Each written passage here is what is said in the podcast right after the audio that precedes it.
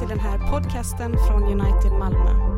För mer information om oss besök www.unitedmalmo.nu och följ oss på Twitter.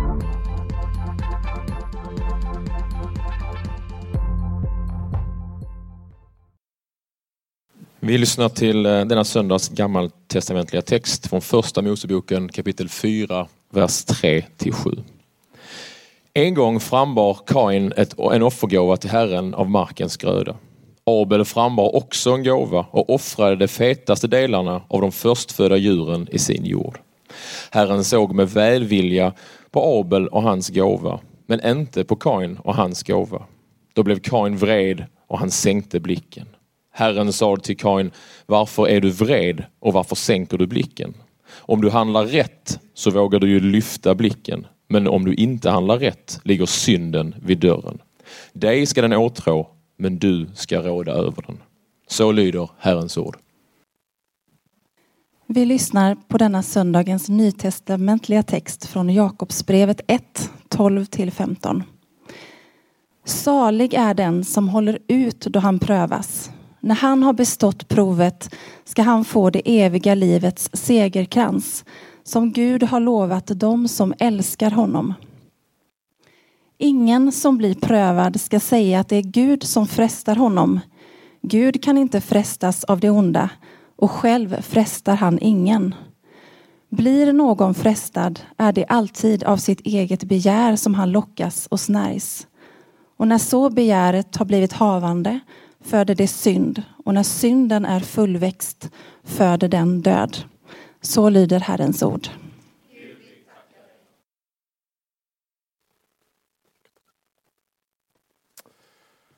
Upplyft era hjärtan och låt oss lyssna till dagens evangelieläsning ifrån Matteus 16.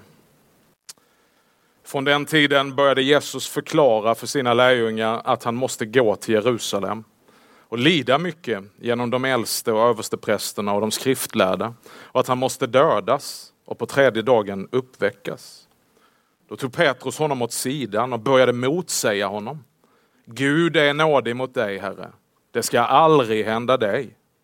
Men Jesus vände sig om och sa till Petrus, gå bort från mig Satan. Du vill få mig på fall. Vad du tänker är inte Guds tankar, utan människotankar. Så lyder det heliga evangeliet.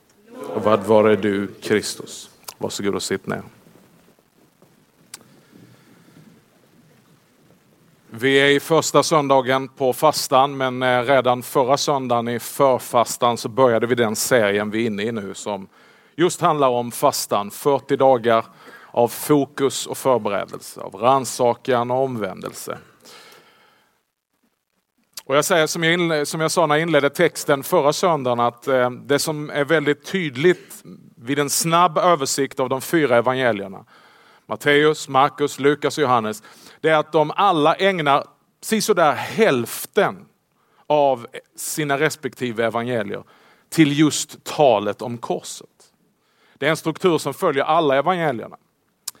Vissa är lite mindre och då är det kanske mer åt en tredjedel av det, men det kommer till en punkt Alltså fram till den punkten så är det Jesus rör sig bland folket, han predikar, han går omkring, han gör undertecken och så kommer det till en punkt när han vänder sitt ansikte mot Golgata, mot Jerusalem. Och därifrån är det enbart tal om korset. Tills vi når passionsveckan och han börjar närma sig korset och blir korsfäst och död.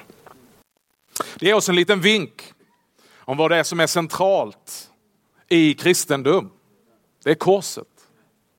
Korset är centralt. Man kan tänka, Johannes skriver ju själv, skulle vi skriva ner allt vad Jesus sa, allt vad han gjorde så hade inte hela världen rymt alla böckerna.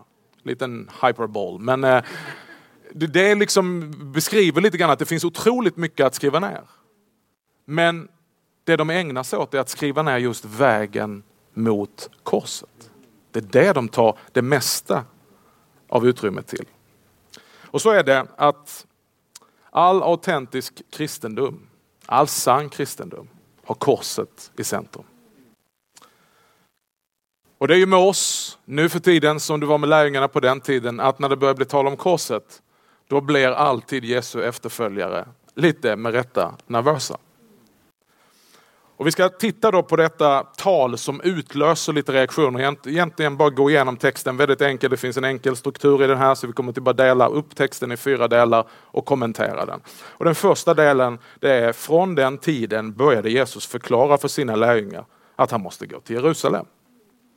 Okej, så det finns en tid för allting. Det sa vi förra söndagen och det sa vi i onsdags. Att eh, Gud är inte oordningens Gud utan han har en rytm, han har en tid. Och han för oss genom olika tider och säsonger. Genom kyrkoåret så får vi hjälp av det. Att inte bara gå på känsla. Det är precis som du får hjälp att imorgon är det måndag. Så du vet att du behöver gå och lägga dig lite god tid ikväll och göra dig redo för att det är jobb imorgon. Det är inte så att du ikväll bestämmer dig, ah, känns som lördag. Lördag hela veckan lång. Utan det finns liksom en struktur och ett schema som hjälper dig att rätta dig efter klockan och inte rätta klockan efter dig. Det skulle ju kännas lite skönt ibland, lite så här spontant roligt en liten stund. Så jag säger, nej men nu känns det som att klockan är liksom five o'clock somewhere in the world. Det är nu när Jesus börjar tala detta som det blir nervöst ibland hans efterföljare korset kommer på tal. Fram till den här punkten så har det varit tal om mycket annat.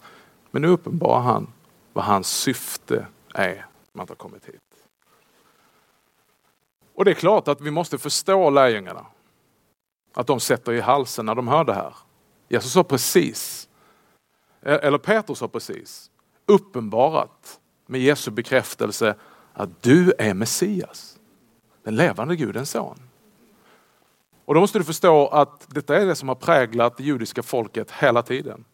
Att efter Davids dagar, när de var ett stort och ett mäktigt rike, så har man hela tiden bara gått och väntat på att Israel på nytt ska bli upprättat genom att det ska komma en ny David. En Messias sänd av Gud. Så det är deras hopp i all sin exil, i all sin förföljelse. Och nu då under rummarna så går man bara och väntar och säger Gud är med oss. Och en dag sänder han Messias och då ska ni få se. Och nu sitter Petrus och säger, du är Messias, den levande Gudens son. Du är han som ska komma. Det har jag fått som en uppenbarelse och Jesus bekräftar och säger, kött och blod har inte uppenbarat det för dig. Det har min fader i himlen uppenbarat. Då känner man så här, nu är det läge för en riktig lovsång-celebration. Nu är det läge för charismatic two-steps. Alltså nu är det ju läge för ett riktigt röja-möte. Och då kan man liksom känna som att Jesus är, ursäkta nu uttrycket, va, men världens största partykiller. Och då började han tala om korset. Kan vi liksom inte få njuta lite grann av att du är Guds son, att du är Messias? Nej, han ville poängtera, äh, vad heter det? Ge punka, punktera, inte poängtera. Punka på den här eh, felaktiga bilden de hade blåst upp att han är kungen som ska komma hit och jordiskt upprätta ett rike. Ni vet ju vad Jesus säger inför Pilatus. Pilatus säger, är du en kung? Ja, en konung är jag. Men mitt rike är inte av denna världen. Och därför så slåss inte mitt folk enligt denna världens standard. Via Dolorosa, lidandets eller smärtornas väg. Det heter den vägen som leder till Gud. Och Det är den vägen som Jesus har kommit för att vandra. Vi kan lätt bara fastna vid allt det han gjorde innan. Och liksom tänka att vi behöver ju mer av de här grejerna. Så vi, liksom allt detta. Vi måste göra som Jesus. Nej, men Jesus kom framför allt hit för att vandra smärtornas väg. Lidandets väg. Hans mission var korset. För utan korset så finns det ingen frälsning.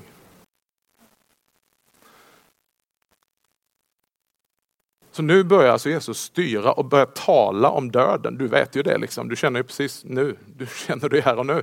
Att det blir inte så här god stämning när man börjar tala om död, man börjar tala om kors och börjar tala om lidande. Och det, det är ju bra, det är sunt. Det, annars blir det ju, om vi skulle, nervöst skulle fnittra.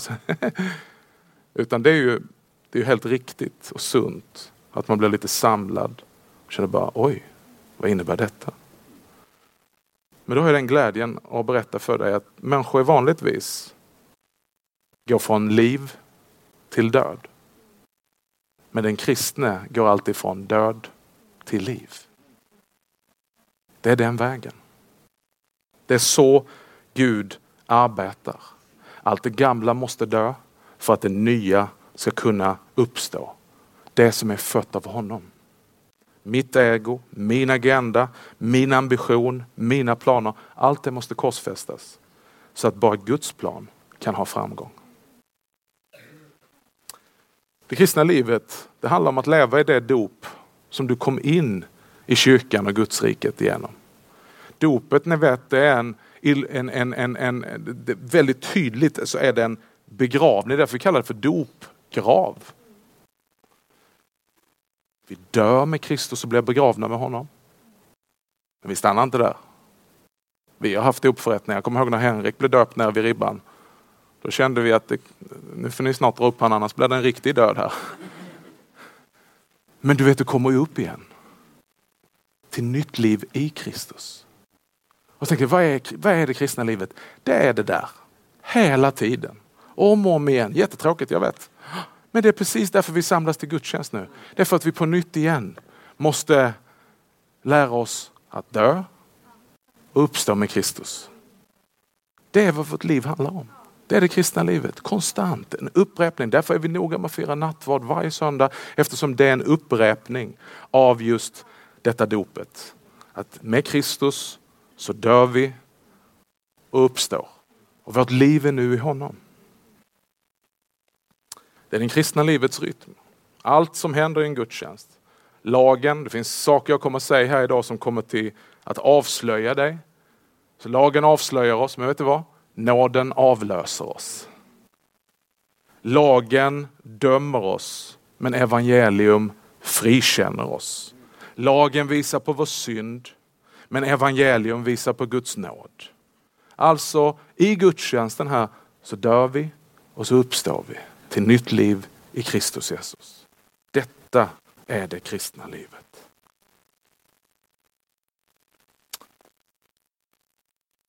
Och Naturligtvis är det här ett budskap som går på tvärs mot alla andra budskap du någonsin har hört. Inte i kyrkan då menar jag, utan det som samhället och kulturen präglas av. Och är det så, då är det bra. För tänk om kyrkan skulle säga och låta precis som allt annat du hör överallt annars. Vad ska du då med kyrkan till? Det är helt bara waste of time. Been there, done that. Have the t-shirt. Har redan hört det där.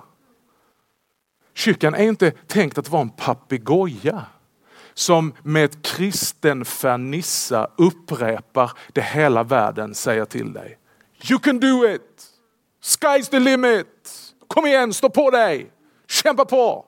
Nu ska vi peppa igång dig! Gå på hockeymatch. Gå på ett motivationsseminarium. Jag säger inte det är dåligt. Lyssna nu noga vad jag säger. Det är ju jättebra, jag säger gå dit. Det kan bli till otrolig hjälp och välsignelse i ens yrke, företaget man leder, eh, olika saker. Men det har ingenting med Guds rike att göra. Det måste du fatta. Därför är kyrkan satt här som en ambassad från himlen. Eller hur? Och vi är kallade att vara Kristi ambassadörer, det vill säga sändebud som kommer med ett helt annorlunda budskap. Så när världen ställer framför dig en stege, det är vad Donald Trump gör nu för hela världen. Va? Och eh, förvånansvärt många verkar tycka det är helt fantastiskt. Han bara ställer fram en stege och säger, här är en stege, klättra på den. Och vill du inte klättra, då ska du inte vara med. Är du, liksom, är du lite, pallar du inte det, då stick med dig. Liksom. Och det finns någonting som ger respons hos oss. För då säger vi så ja men det är opportunity. Här kan man ju klättra. Ja, tills den dagen du möter din egen begränsning. Tills den dagen korset reses i ditt liv. Tills den dagen, dagens tema, då du möter prövning en stund. Och du inte har ben eller armar som lika självklart bär dig upp för stegen. Eller kanske till den dagen då du kommer till toppen av stegen och inser att den stod lutad mot fel hus. Du har kommit till toppen, men till vilken nytta? Det finns många som sitter här som kan vittna om det och säga, brother I can testify. Som har nått toppen ekonomiskt, som har nått toppen socialt, relationellt, kyrkligt, andligt. För att bara inse att det var helt tomt. Jag har ägnat hela mitt liv. Jag har försakat min familj. Jag har pressat min kropp över alla möjliga gränser bara för att komma till en topp som är helt tom. Den kristna symbolen är inte en stege utan det är ett kors. Det är inte att vi klättrar upp till Gud utan det är Gud, han har kommit ner till oss. Det är inte att vi dör för honom utan att han har dött för oss.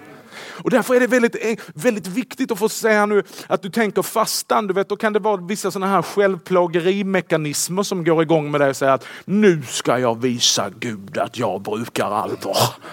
Och så tänker du att nu ska vi lägga in ett riktigt offer för Gud. Säkert goda intentioner. Men tänk på det här. Fast det handlar inte om hur mycket du offrar för Gud. Utan det handlar om att stilla sig. Så att jag kan se hur mycket Gud har offrat sig för mig.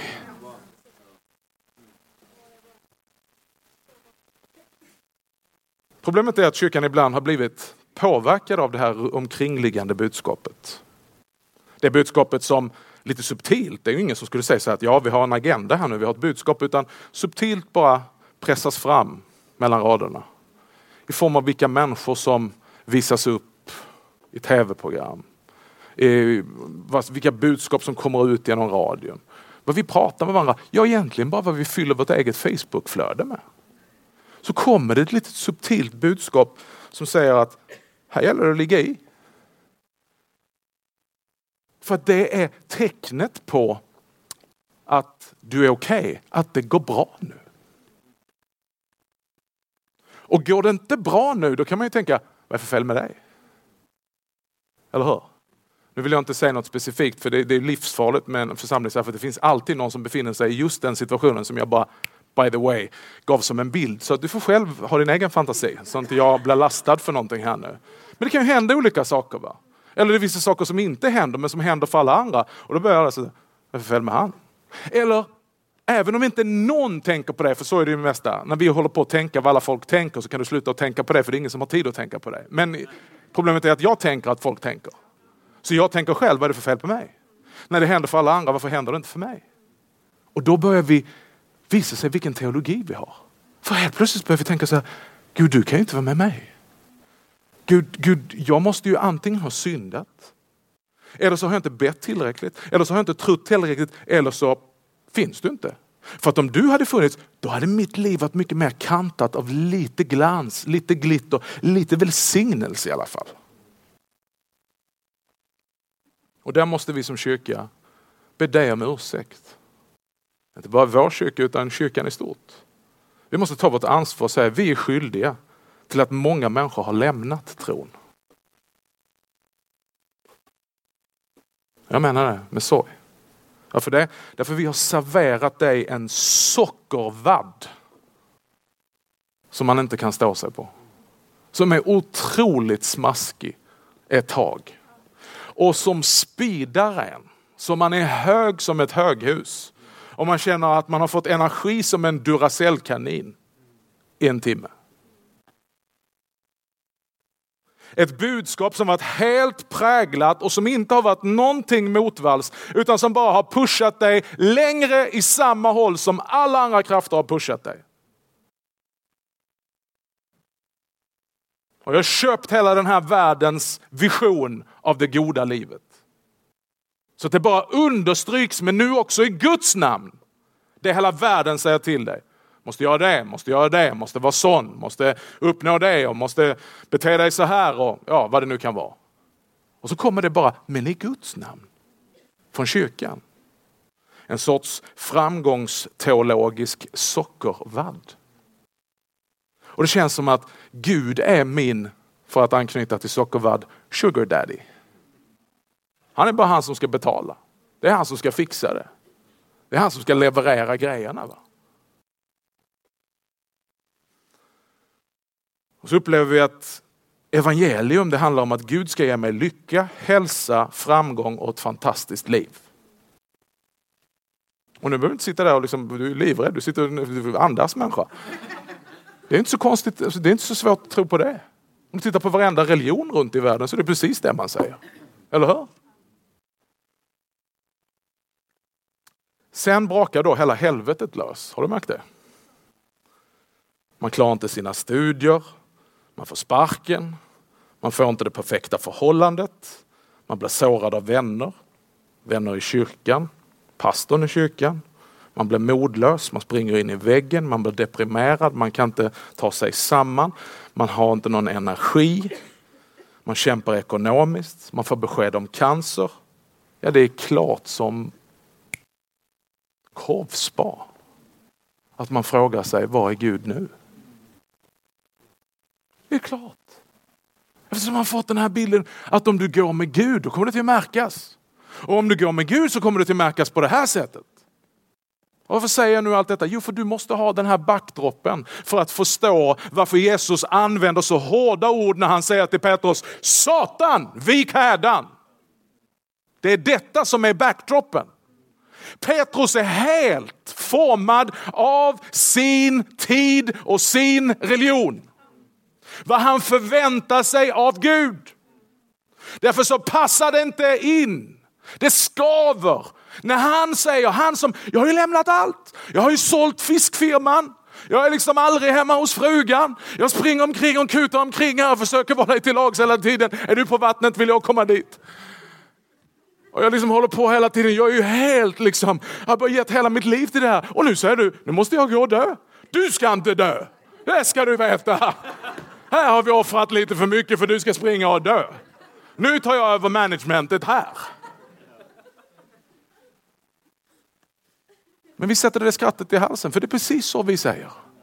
Det är precis så vi säger, det är precis så du tänker nu när jag predikar. Ja, vad är det här för någon negativ predikan? Ska vi aldrig tala om att någonting är bra? Ska vi inte tala lite grann om seger? Kan vi inte få jubla lite grann? Är det bara ett enda långt tråkigt helvete att följa Jesus? Skulle verkligen Gud ha sagt? Jag känner en till som har sagt de orden. Det är ormen i lustgården. Som när Eva säger, ja men då kommer vi till att dö. Äh, skulle Gud ha sagt, nej, ni skall inte dö. Ni ska bli som gudar. Sky is the limit.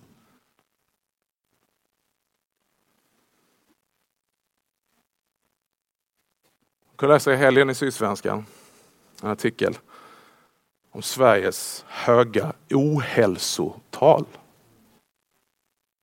Och det är en fantastisk artikel, eller debattinlägg. Det är någon som skriver precis vad många av oss känner. Det här är liksom lite svårbegriplig och små, svårsmält paradox. Här är vi i ett av världens rikaste och mest välordnade länder. Och människor känner sig mer än någon annanstans misslyckade, deprimerade eller utbrända. Och inte för att förringa det. Utan det är, det är en rejäl grej. Men vad är det som skapar det? Ja, någonting stämmer inte alltså. Och så säger en psykolog, det här är min diagnos. Folk har en orimlig och världsfrånvänd förväntan på livet. Alltså det finns även utanför kyrkan. Vi har blåst upp det. Så, så här ska livet vara. Det är en mänsklig rättighet. Och det är klart när inte livet blir så. Och vet vem det gäller för? Alla. Det är bara, det är bara liksom, vänta, om, om du, liksom, nej inte mig, oj oj, då är du nästa. Du vet när, när du kommer till se hur det, hur det spricker. Och du säger så här, men det här låter negativt. Nej, det är det här som, ja, det, det är jättenegativt. Hela mitt budskap här är jättenegativt om du bara ser det från den här sidan. Det är precis därför Petrus reagerar. Vad ska du på korset? Jo, för det är på korset det händer.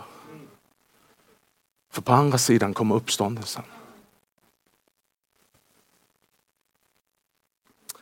Det är här tron prövas. Det är här vi kommer i kris tillsammans med Petrus. Så blir det kris när det inte stämmer med våra föreställningar. Och då måste man ransaka sig. Och då måste man hitta grunden. För det är klart, har jag byggt på sockervadd, eller för att ta Jesu egna bild, om man bygger hus på sandig mark. Ja, det är skillnaden om man bygger på klippan. Skillnaden är inte att stormen uteblir för att när Jesus berättar den liknelsen så står det att båda husen drabbades av storm. Båda husen drabbades av elände. Men när stormen har bedarrat så står huset på klippan kvar. Men beachhatten, den är borta. Soliga dagar, då är det underbart att ha det där beachhuset. Och då kan man ju tänka på liksom. Kolla de där liksom. Det är som norrmännen, de ska bygga vägar. Det tar liksom 17 år för att de ska igenom fyra fjäll och över åtta fjorder. Men vet du vad? Det står pall och det står kvar.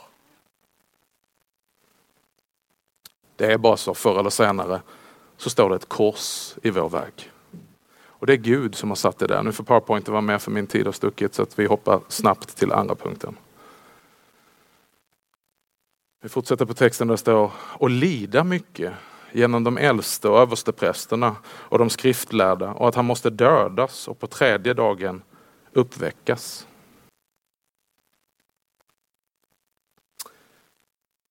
Lidandets väg är kärlekens väg. Offrets och utgivandets väg, det är inte en självupptagenhet i det.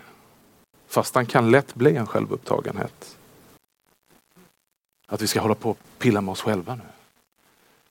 Men Jesu död på korset och hans väg till korset, är inte någon självupptagenhet. Utan det är precis som han sträcker ut sina händer på korset så är det ett utgivande och ett offrande för oss. Jesus kliver inte upp på korset för sin egen skull. Utan han kliver och bär korset och vandrar korsets väg för de andras skull. För människornas skull. Och detta anger mönstret för kristet liv. Ett kristet liv handlar faktiskt om andra. När vi går korsets väg så gör vi inte det för vår egen skull. Utan vi gör det i efterföljelse av Kristus för andras. Tänk till och med på korset. Var är Kristi blick riktad? Vem tänker Jesus på när han hänger på korset? Det första han ber, Fader förlåt dem. De vet inte vad de gör. Så hans blick är inte, det är synd om mig nu. Eller, titta här vad jag gör. Utan han, han känner med de här som är förstockade, som är förblindade för sina fiender. Hans blick är på dem, hans bödlar. Fader förlåt dem, de vet inte vad de gör. Sen är hans blick på sin mamma och sin lärjunge. Så han säger till Johannes, se din mor. Och så säger han till Maria, här är din son. Så det är det, han fixar liksom framtiden. Maria, du ska inte bli lämnad ensam utan det, det här, ni kommer ta hand om varandra. Och sen sist innan han vänder sig till Gud så vänder han sig till rövaren på korset sidan om. Säger idag ska du vara med mig i paradiset. Till och med på upploppet så tar han någon med sig. Han bara sträcker ut handen och säger du ska med. Hela tiden så är blicken riktad utåt, inte inåt. Och det är det vi gör när vi fastar. Så kommer du inte komma helt fel om du bara får det här introperspektivet. Så här är lite jag kan putsa på. Nej, det här kan bli lite bättre. Utan det handlar inte om självupptagenhet i fastan utan självförglömmelse. Är du med? Att inte bli full of yourself utan get over yourself. Är du med? Bli färdig. Det största motståndet du har i ditt liv det är du själv. Det står i vägen för allt du ska göra. För att du är upptagen av dig själv så att du, du missar allt runt omkring dig. Istället för lyft blicken och se de andra runt omkring. Detta är kärlekens och korsets väg.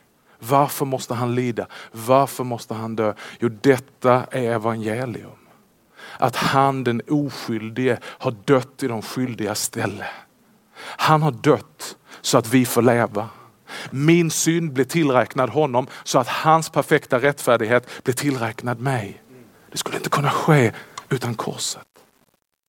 Därför så behöver inte jag frukta domen, för domen är utdelad. Guds vrede har drabbat mig, men Jesus i mitt ställe. Guds vrede över min synd och min skuld, den är dealt with. Case closed. Det är fullbordat. Men detta gör Jesus för våran skull. Och därför så behöver vi vandra den vägen. För alla andra vägar, det är Kains väg. Vi, vi, vi, vi, mötte Kain här i det gamla testamentet. Läsningen från gamla testamentet. Och, och, och Kain, han är i opposition mot sin broder. Och han säger det till Gud. Varför ska jag hålla reda på min bror? Am I my brother's keeper? Han har det ju redan så himla bra. Han har blivit välsignad av Gud. Ser du? Det blir hela tiden en tävling. Och det är så människan upplever sitt kristna liv från syndafallet. Det är bara en tävling. Allt är en tävling. Och det handlar om att ligga bra till i förhållande till alla andra för att bevisa att man inte är förbannad utan att man är välsignad av Gud. Och därför så blir alla som är välsignade ett hot som kan få det att framstå som att jag inte är välsignad. Att om Gud använder den här personen, om den här personen lyckas så bra, titta på deras barn. De är inte som våra barn, vad är det för fel på oss? Vi dödar deras barn.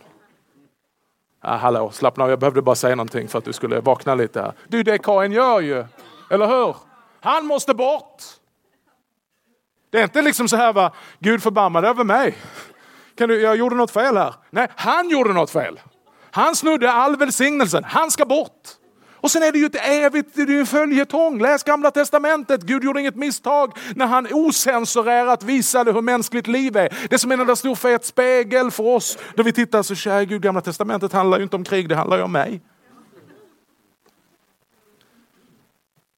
För att vi försöker förtjäna Guds välsignelse. Vi försöker klättra upp på Gud och vi försöker eliminera allt annat som kan tycker det liksom blir jobbigt. Va? Sluta följa dem på Facebook. Det är så himla jobbigt att se hur bra du har det. Helt slut. Jag måste liksom komma på bilder med ett extra bra filter här nu så att det ser ut. Ja, men jag tror det är så. Social media har liksom bara lyft fram det som finns djupt i våra hjärtan. Va? Har du inte varit på den här, alltså min fru är ju helt befriad så det måste jag säga, men, men, men man kan ju sitta med andra och säga ta en bild nu, ta en bild nu innan vi går vidare. Det här måste vi, så att folk kan säga att, att, att vi inte har ett tråkigt liv, utan att vi har det kul och bra. För att om vi inte lägger ut någonting då kan ju folk tänka, åh oh, vad tråkigt liv de har. Gud kan inte vara med dem. Utan vi måste visa här nu liksom. Och nu, nu, nu står inte jag här och sågar det. Jag är ju själv på social media. Det, inte, det handlar inte om det. Det är typiskt svartvitt tänkande, frikyrkligt tänkande, absolutism. Det är liksom allt eller inget. Men vet vad den gudfruktiga vägen är? Återhållsamhet. Balans. Att inte köra i diket. va? Utan att kunna nyttja det goda Gud ger. Och inte liksom djävulsförklara all utveckling. Och liksom dra sig tillbaka till stenåldern. För där verkade Gud starkt. Utan att inte bli, bli övermannad av det här. Utan att kunna du vet, det är ju det som är avgudadyrkan. Vi tar inte emot det goda för att vara något gott. Utan vi gör det antingen till Gud eller till Satan. Men det är Karins röst. Karins röst är, ska jag ta hand om min bror? Han får ta hand om sig själv. Och det ligger i Guds fråga, var är din bror? Och när jag läser det så, så blir jag träffad.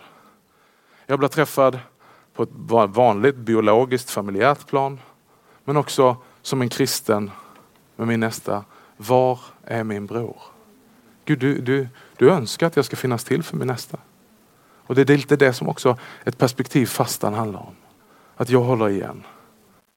Att jag skalar bort så att jag kan ge till någon annan. Farao, Herodes, Pilatus, Caesar. De bygger en helt annan värld. De bygger en värld där det bara handlar om me, myself and I.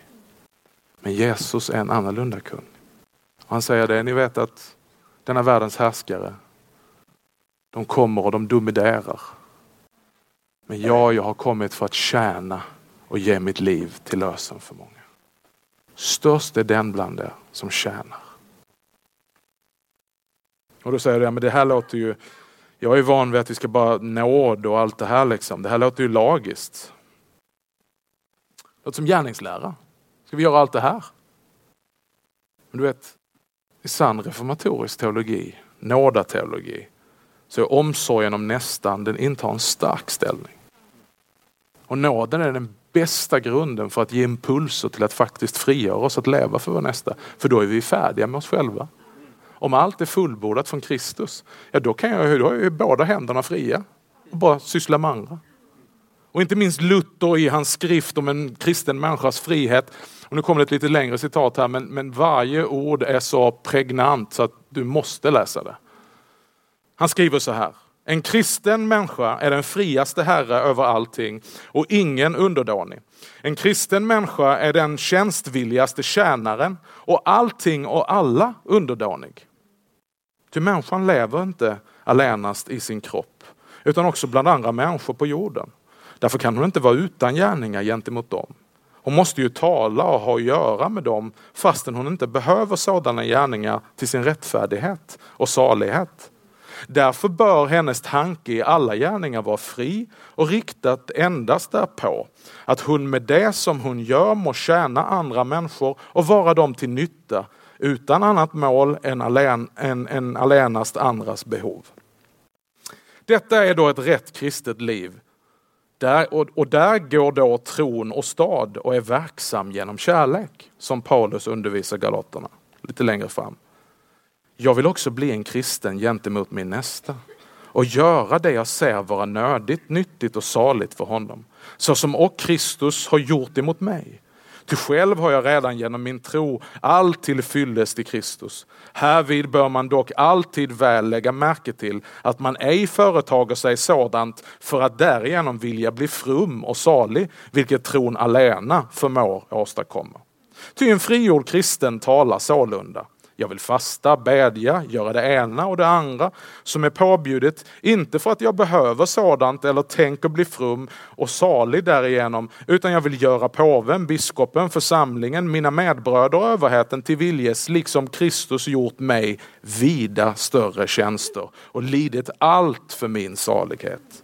Se, så måste Guds gåvor flyta ut ifrån den ene till den andra och bli gemensamma så att var och en tar sig an sin nästa så som vore han själv nästan.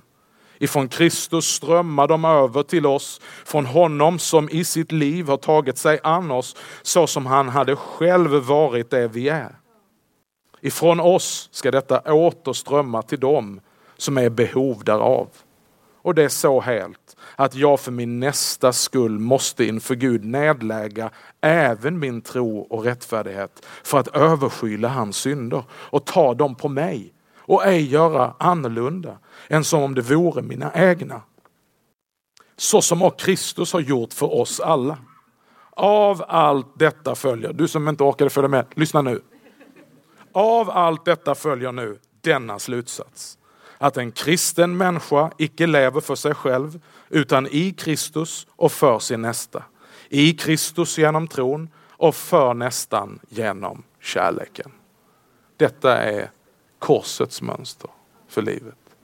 Att offra sig med blicken för någon annan.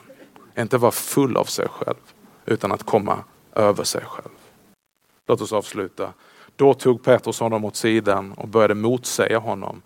Gud är nådig mot dig, Herre. Det här ska aldrig hända dig. Och så fortsätter vi. Men Jesus vände sig om och sa till Petrus, gå bort från mig Satan. Du vill få mig på fall. Vad du tänker är inte Guds tankar utan människotankar.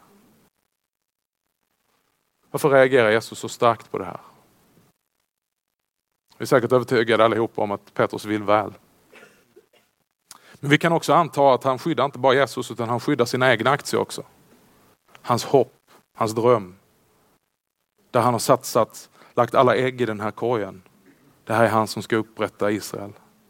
Det skymtar ju fram bland lärjungarna. Vem kan sitta på din högra och vänstra sida?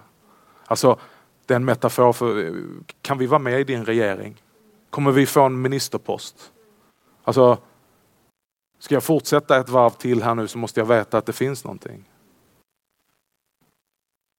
Så varför reagerar då Jesus så här. Tre gånger i Bibeln så ser vi Satan tydligt. Som ormen i lustgården.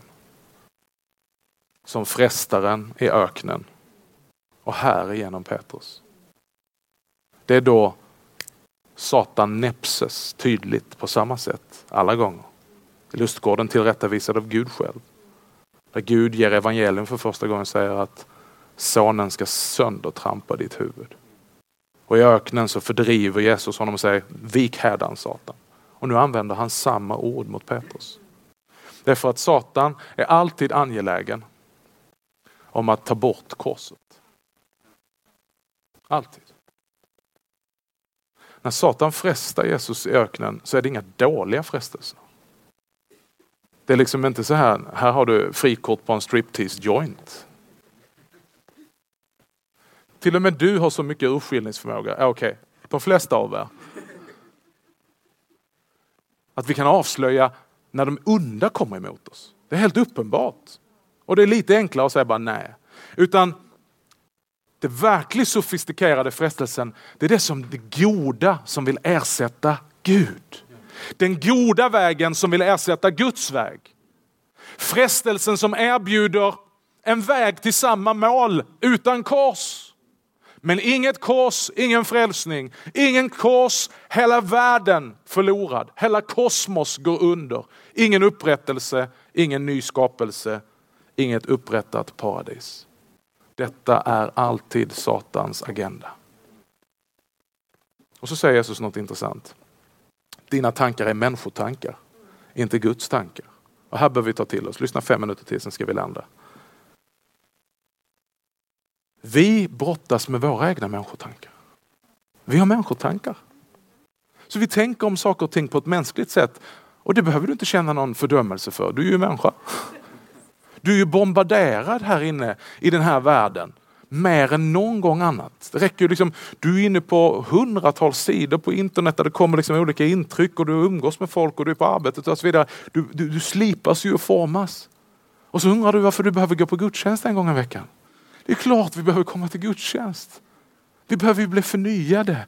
Vi behöver bli formade för att vi håller ju på hela tiden. Så när vi säger så här, men Gud nu fattar jag inte, vad håller du på med? Alltså vi vill komma och bara få bekräftelse på allt vad vi redan tänker. Det är därför du blir arg på mig ibland när jag predikar. För att jag inte ger dig ett kristet alibi för dina syndiga tankar. Och nu är det ju inte syndiga tankar as in syndakatalogen. Utan man kan ju stå där och säga, nej men jag är minsann redig liksom. Titta på mina barn här, titta på min fru, samma fru, samma bil, samma hus och samma högmodiga hjärta. Samma storsvulstiga, högmodiga tankar. Som du tänker att det här, är, det här är från Gud. Det här ska inte hända. Nej, nej, nej, Gud är med oss. Alltså det, det är något fint Petrus säger. Nej, långt bort det är från dig. Gud är med dig. Ska aldrig hända. Amen. Hör du? Det kunde varit en konferenspredikan. Ska aldrig hända dig. Gud är med dig. Det är klart, lever man på sånt och sen det händer. Det är klart att man vill räcka fingret till kyrkan då. Det är klart att tron bara ruckas under ens fötter och man bara känner att ni kan fara och flyga. Det stämmer inte, det är sockervadd. Det ska inte hända dig, Gud är med dig. Ja, var är Gud nu då? Det är som psykologen säger. Folks förväntan på livet den är orealistisk. Vet du vad? Välkommen till kyrkan. Bli rotad och rustad och riktad. Bygg ditt hus på klippan. Forma ditt liv i korsets mönster.